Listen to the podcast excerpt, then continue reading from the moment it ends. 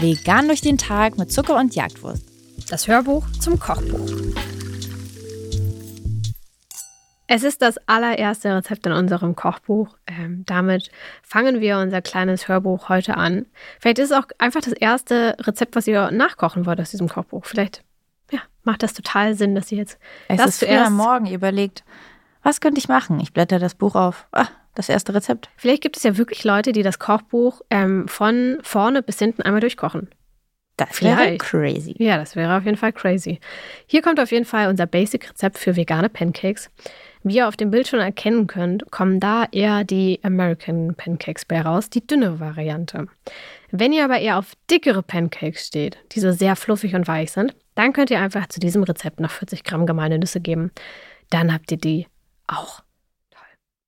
Generell finde ich, diese Pancakes sind auch mittlerweile mein Standardrezept.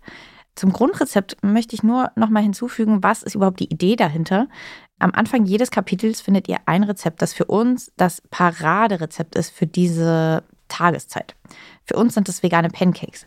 Ähm, ihr habt jetzt aber die Möglichkeiten, die stehen euch offen, die sind unendlich. Deswegen haben wir euch ein paar von ihnen auf den nächsten Seiten auch gezeigt. Da werdet ihr erfahren, wie ihr diesen Grundrezeptteig abwandeln könnt, wie ihr Pancakes füllen könntet, in welche Form ihr sie packen könntet und auch welche Toppings am Ende dabei rauskommen können. Auch das natürlich nur der erste Anschluss dazu. Eure Kreativität sind keine Grenzen gesetzt. Richtig, ihr könnt also ähm, ein Mix and Match machen ähm, und könnt zum Beispiel sagen, okay, ich ähm, mix heute mal Babyspinat mit in meine Pancakes.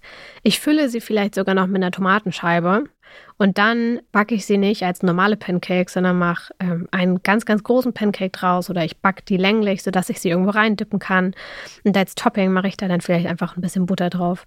Ähm, oder ich werde ganz verrückt und nehme ein bisschen Schokolade, was auch immer. Wie auch immer ihr es kombiniert, Boah, es, ist, okay. es ist alles Die Vorstellung okay. vom Spinat-Pancake gefüllt mit Tomate, ganz groß und Schokolade drauf. Das ist jetzt es gibt bestimmt Leute, die finden das gerade richtig gut und es ist in Ordnung. Also so wie ihr euch fühlt, ähm, so, so, macht ihr die einfach. Aber wir haben jetzt einfach so ein paar Ideen für euch, sodass es nicht langweilig wird und sodass ihr eure Pancakes einfach immer ein bisschen abwandeln könnt.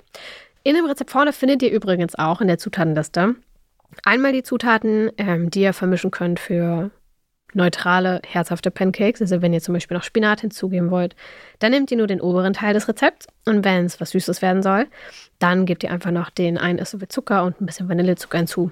Und ihr habt süße Pancakes. Was ihr jedoch nicht hinzugeben müsst, ist Natron. Das findet ihr in Schritt 2 dieses Rezepts. Naja, und ich sag mal so, ihr werdet das vielleicht kennen von Arbeiten, die ihr schon mal abgegeben habt. Ihr habt sie lektoriert. Dann habt ihr nochmal drüber gelesen. Habt sie nochmal einer Freundin oder einem Freund gegeben. Der hat nochmal drüber gelesen. Ihr habt dieses ganze Ding 100 Mal gelesen. Und dann schlagt ihr es auf, als es gedruckt ist und merkt, ja, da ist ein Fehler drin.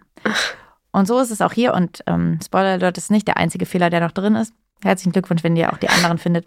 In Schritt 2 lest ihr hier, dass ihr Natron dazugeben müsst. Das findet ihr aber zu Recht nicht mehr in der Zutatenliste, denn ihr müsst es nicht hinzugeben. Das Backpulver allein reicht. Ja, obwohl es wahrscheinlich auch nicht schadet. Und wir haben das Natron auch ein bisschen lieb gewonnen, dass es sich hier so reingemogelt hat. Sollte ähm, dabei sein. Ja, es wollte dabei sein, hat es gepackt. Es ist einfach über einen Zaun hinten in, in, den Garten reingesprungen, hat sich reingemogelt. Ist okay, wir, ähm, wir müssen uns mit ihm anfreunden, glaube ich. Auf jeden Fall. Natron sei gegrüßt, aber wie gesagt, ihr braucht es nicht. Ähm, lasst euch davon nicht verwirren. Und damit viel Spaß mit diesen Pancakes.